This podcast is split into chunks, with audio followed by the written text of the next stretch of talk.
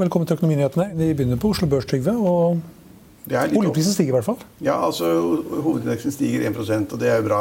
Og det er mer ro på Oslo Børs i dag. Og så er det alle de som da lurer på hvordan det går med oljeprisen. Det gjør vi også.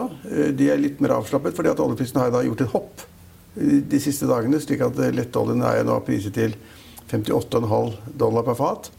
Og Brenten snuser på 68 dollar per fat. Det ligger liksom 67,80 eller 90 eller sånt. slik at vi snuser på 68 på Brenten. Det er en ganske høy oljepris i forhold til hva mange har trodd. Eh, faktisk over det mange har sagt som skal være snittkursen i år. eller snittprisen, slik at når folk er litt så avslappet, og så ser vi at en del olje- og serviceselskaper går litt. Grann. PGS går 5-6 eh, Og det er liksom en sånn positiv, rolig stemning på Oslo Børs. slik at Egentlig så kan man si at dette er en bra børsdag når børsen da stiger 1% og oljesektoren, som er så viktig for Norge og for uh, offshoreselskapene, og stiger oljeprisen. Så nå ser man litt lettet fremover. Mm. Noen snakker om at det er litt sånn risk on igjen? Ja, risk Ja, man liksom, Flere som er interessert i å ta mer risiko? Og... Ja, ja, risk on, ja. ja, ja. ja det tviler jeg på, altså. Okay. Men det er klart at uh, investeringsviljen og, og, viljen til å ta litt risiko øker når oljeprisen stiger. Mm. Det er så korrelert med hvordan det går med masse av selskapene. Tror de at uh, supply-skipene får høyere rate, så er det bra. Tror de at ringsselskapene får høyere rate, så er det bra. For Norge, Norge AS Norge mer penger, så er det bra. ikke sant? Altså, en høyere oljepris er bra for AS Norge, det er bra for store deler av norsk næringsliv langs kysten vest, på Vestlandet. Så det er liksom litt mer risk-taking. Men å måle er ikke så lett, altså. Jeg, altså så, så, en rolig, god dag vil jeg si skulle vi stoppet der, men, men, vi må si noe om Norwegian. Vi har jo snakket mye om det. Syns vi har vært ganske gode og ligget i forkant der. Er det noe nytt på den i dag? Ja, litt. fordi at, ja, fordi at altså, Den handlet nå rundt 50, Du må korrigere meg hvis jeg ikke har fått med meg riktig, men den handlet rundt 54 kroner. Og da, I løpet av dagen vært oppe synes jeg ganske interessant, interessant å se, at eh, Norwegian har vært oppe i 56, litt over 56 kroner. Så det har vært et veldig sving. Det vil si at det er usikkerhet i markedet. Noen villige til å betale 56 kroner for aksjen. På slutten av dagen får noen for 54 kroner. Uh, og det skjer jo i alle aksjer at det svinger i løpet av dagen. Men her er det helt marker, markant at folk lurer på hva som skjer. Kanskje du sitter klar til at å, nå kommer skygge-flyen i lufta igjen? Ja, og så kjøper de kanskje på 54 kroner. Da. Men de som er litt mer skeptiske og liksom tenker at kan dette gå bra, de faktisk selger på 56. Eh, og jeg syns det er veldig usikkert hva som skjer nå. Jeg sa jo litt, litt satt på spissen her eh, at eh, jeg ville ikke bli overrasket om kursen havnet ned på 40-tallet. Mm. Og jeg har også sett at et meglerfirma, husker jeg ikke hvilket det var, har kommet med en eh, prognose eller en guiding på 35 kroner. Jeg lurer på om det var Nordne. Ja. Nordnes som hadde 35 ja. kroner. Ja. Så du kan si at det er noen som opererer seg på 30-40-tallet. Og det som er jo helt avgjørende, er at nå er det 350 fly eller som er på bakken, 18 fra Norwegian. Og det er jo helt utrolig at uh, ikke alle ble grounded med en gang. fordi at når det kom da grounding fra Australia og Kina, og kanskje ett eller to land til, så visste man jo at resten av verden ville få samme ordre. Du kan ikke fly utenom liksom, Australia, Kina og Storbritannia. Det er ikke noe vits å ta av hvis du skal lande i Utenfor Storbritannia, da. Altså, kanskje du skulle få lov å fly til Stavanger eller Bergen. eller noe sånt. Det, altså, det ville ikke holde. Og så fikk man da meldingen om at alle blir grounded, og Trump sa det at alle skal groundes. Og da er det jo ganske spennende hvor lenge varer det. Og det, er liksom, det store spørsmålet er liksom, Vil da Norwegian og andre selskaper som eier da liksom Boeing 737 maks åtte eller ni. Mm. Uh, vil de få da, når da man en dag gjør opp, vil de da få alle tapene sine fra Boeing? Det tror ikke jeg noe på. Ikke det var litt interessant i går, da, for i går så sa Boeing, det var faktisk en anbefaling fra Boeing om at uh, flyene måtte settes på bakken. Ja, jeg tror det var ganske riktig at de sa og når det. De da sier det, så kan det tenkes at uh, de har litt bedre forhandlingskort? Nei, altså jeg tror de sa det skulle et fly til ha styrtet i løpet av en uke eller måneder nå, så ville søksmålene mot Boeing bli så store at selskapet ville bli begjært konkurs. Så hvis du nå sier liksom at det er bedre å grounde dem, så tar det en viss høyde for at det er en viss usikkerhet, tror jeg. Jeg tror det var advokatene som hadde fortalt dem at nå må dere være forsiktige si de riktige tingene, for dette kan gå helt galt. Og det er jo helt åpenbart at hvis det er en sammenheng mellom de styrtene som har vært, flystyrtene, og det kommer en ny en i løpet av kort tid, hvis det skulle skje mot formodning og hva man måtte håpe, så er det katastrofalt for Boeing. og da Folk vil ikke fly med de flyene, og flyselskapene vil ikke ha dem. Så nå er man i en usikkerhetsfase. Og hvis da flyene blir stående da, i tre eller fire måneder så altså tapene, altså Noen sier at tapene for Norwegian er 15 millioner dagen. Kanskje det er 5 millioner eller 10 millioner, men det er store tap. Og hvis det er 350 fly som står på bakken rundt omkring, så vil tapene for flyselskapene bli så store at, det, at Boeing skal klare å følge opp det og betale det. Det tviler jeg på. Og Derfor er det stor usikkerhet. Mm. Som da, og så må jeg jo si Det at det er verdt å nevne da at den emisjonen på 3 milliarder kroner som de hadde i forrige uke, Eh, Den var viktig for selskapet. Den trengte de. Det ville komme til brudd med lånebetingelsene. Men hadde dette her med disse flyene hadde kommet før emisjonen, så hadde de ikke fått noe penger på emisjonen. Da hadde folk trukket seg fra emisjonen. Ingen som hadde tegnet noe som helst. Jeg vet ikke om de kan det etter at de har tegnet, og hvor lang tid de angrefrist de har. jeg. Eh, Men de hadde vært en total katastrofe for Norwegian, og de hadde ikke klart seg. Så her kan man si at den fatale Flaks igjen, altså. Hva? Ja, Flaks igjen, ja, altså. det, det er flaks det vet jeg ikke, men i alle fall en ukes trial til, så hadde kanskje selskapet vært ferdig. Og Derfor er det stor spenning om Norwegian. Så skal man ha sjansen på å kjøpe aksjen på 54 kroner, vente til den faller til 47 eller 45 eller 35, som vi sa. Eh, det er helt umulig å si. og Jeg har sagt mange ganger at nå er det så mange usikkerhetselementer før disse ulykkene. Før ulykkene på gjeldssiden og fremtiden og kostnadssiden og kontantstrømmen i år og uh, egenkapitalkravene. slik Man burde ikke være i aksjen. For Nå må bare minne om det at, uh, at uh, Jeg har sagt det 50 eller 100 ganger, men altså da Bjørn Kjos og partner de kjøpte jo aksjer på 240 kroner. Da mente jo de åpenbart, siden de kjøpte aksjer på 240 kroner, at dette var et kjempekjøp. Ellers hadde de ikke gjort det. De trodde de skulle selge for 350.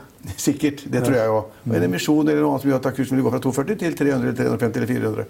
Og så vet vi hvor den ligger nå, da, på 54 kroner. Så, så man burde ikke være der. Altså, en normal investor burde ikke være der, og det store fond bør heller ikke være der. For det, det er for liten kunnskap. Ja, så det, Derfor er det viktig å snakke om det.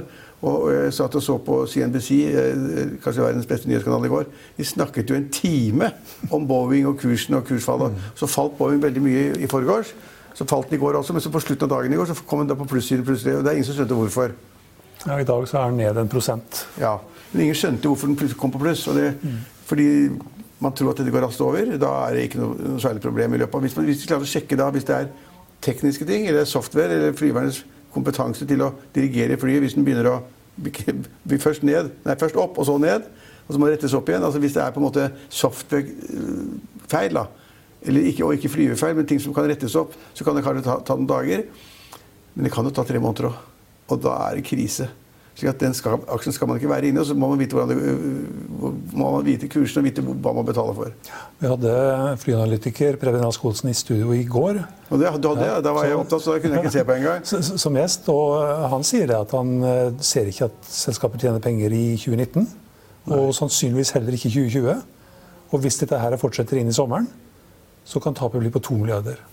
Ja, og det er et interessant tall. Og, og i tillegg så er det en likviditetseffekt. at Fordelen for flyselskapene er når de selger billetter. Og Norwegian selger mye billetter.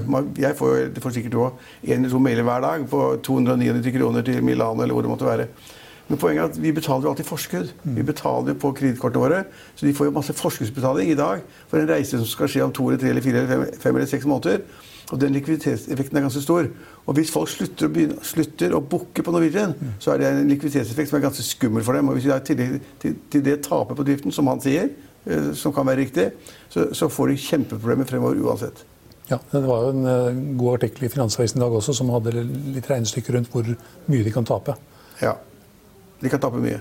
15 millioner om dagen, eller 5, Ja, 5, 5 og 15 15, millioner. 15 millioner om dagen er det noen som sier. Så er det noen som sier 5 og 10, men 15 millioner. Ja. Og det, det er klart at Hvis de får tilbake det med en stor, fet sjekk fra Boeing en eller annen gang Men i mellomtiden skal du leve likviditetsmessig og ha en kontantstrøm, og de skal da tilfredsstille lånekravene osv. Det er bare gjentar meg selv at hadde disse styrtene og denne katastrofen kommet en uke før, så hadde de ikke fått pengene som de ville ha i markedet. Og det var 3 milliarder. Og man regnet med at de 3 milliardene skulle redde dem frem til sommeren, i minst. Altså Avhengig av hvordan det går og hvordan øh, driften og resultatene blir, og kontantstrømmen blir, så skulle man i hvert fall komme til sommeren. Og det, nå kom man til sommeren, for man fikk 3 milliarder cash.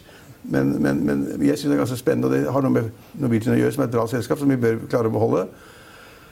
Og så har det da noe med liksom hva som skjer i USA og resten av verden med denne groundingen av de flyene som er Jeg syns det er spennende. Jeg kan kanskje ikke tørre å si det, at det er spennende, men det er spennende å se hva som, hva som skjer, faktisk.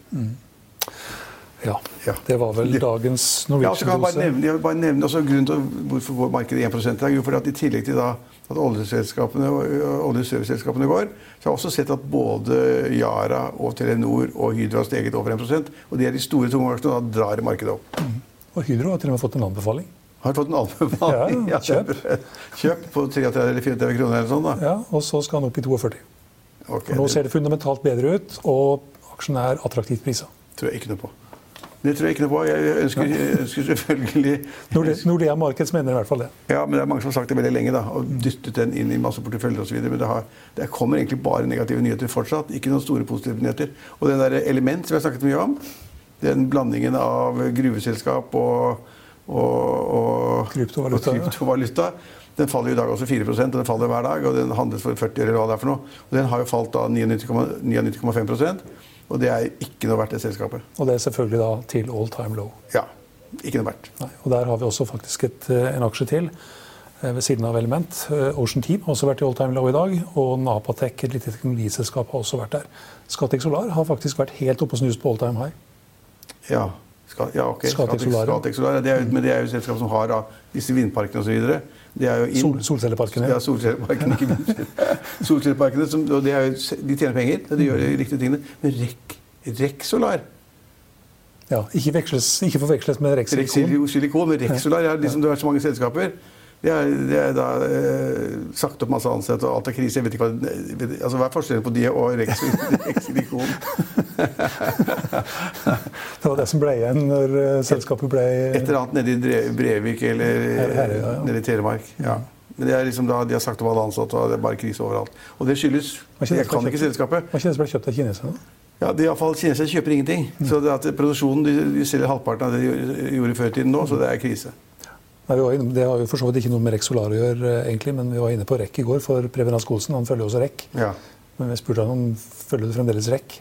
Ja. Det var det. Han skjønte Rex Solar er noe annet enn Rex, Rex, Silikon. Ja, ellers eh, vi kan ta med mm, vinneren på mm, I hvert fall én av vinnerne i dag. Targovax eh, er opp 10 Salaris er også for så vidt opp 10 Og Det er jo to aksjer som ikke snakker så veldig mye opp, men Targovax de har en patentportefølje, en sånn plattform for kreftvaksine. Og Nå har de lisensiert bort dette til et eh, annet selskap. Og det kan gi dem milepælsinntekter ja, inntekter og lisensinntekter på 100 millioner dollar. Bra. Bra noen, bra noen sånne oppstartsselskaper med farmasi og legemiddel tjener penger. Salaris kan vi også ta med deg. de er jo innenfor lønn og personaltjenester. og Der har eh, en av de største aksjonærene kjøpt seg opp i selskapet. Eh, Atana, At- Atanas et eller annet sånt noe. De har kjøpt seg opp til 10,4% av, eh, av det selskapet. Ja, vi var inne på ja, alt, alt er faktisk opp. Alle delindeksene er opp. Da med noen unntak eh, aksjer som faller. Norway Royal Salmon er litt ned. Eh, BV Offshore er litt ned. Det har vært kraftig opp tidligere i uka. Lerøy Syfet også litt ned, ned. Litt ned. Eh, DNB liker også Storebrand. De så mener at de skal kjøpe, at vi skal kjøpe Storebrand. det var sannsynligvis årsaken til at Storebrand i, fall i noen timer i dag var opp 3-4 mm. Ja, det er jo Spår den siste, siste aksje. spår den i 95 kroner og utbytte på 7 kroner. Ja, ja ok. Det blir bra. ja. Ja. ja. vi, kan også ta, vi kan også ta med det var en artikkel i Finansavisen i dag, det òg. Fredelig han eh, liker Next eh, ja, Den som har falt som en, altså som en sten nesten til null, og han drev og kjøpte seg inn og sagt at dette ble kanon. Ja. Han falt fra 180 kroner til 80 kroner, 80 kroner, Ja. og da ble det emisjon. Og han kjøpte for 15-16 millioner. Han er lur. Han, er- Lur og flink og god til å regne. Det var vel det vi eh, Jeg trodde ikke det var så morsomt på børsen men det var, jeg trodde det bare var Norwegian og litt oljegreier. Ja, ja, det, det skjer alltid litt på børsen. Ja, vi tar med oss brentoljen, som er eh, opp 0,26% til 67 dollar og 77, 77 cent. Omsetningen på Oslo Børs den begynner å nærme seg 2,6 milliarder kroner. Ja, I Finansavisen i morgen kan du lese Trygve Egners leder om at det vil være feil å legge ned Ullevål sykehus. At analytiker Håkon Amundsen i ABG Sundal Collier ser oppsider i en rekke oljeserviceaksjer, og at Nordea tror på Hydro-opptur.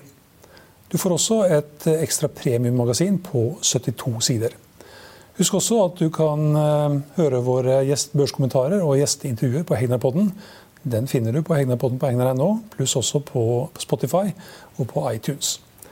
Det var det vi hadde for i dag, men vi er tilbake igjen i morgen klokken 13.30. Følg med oss igjen da.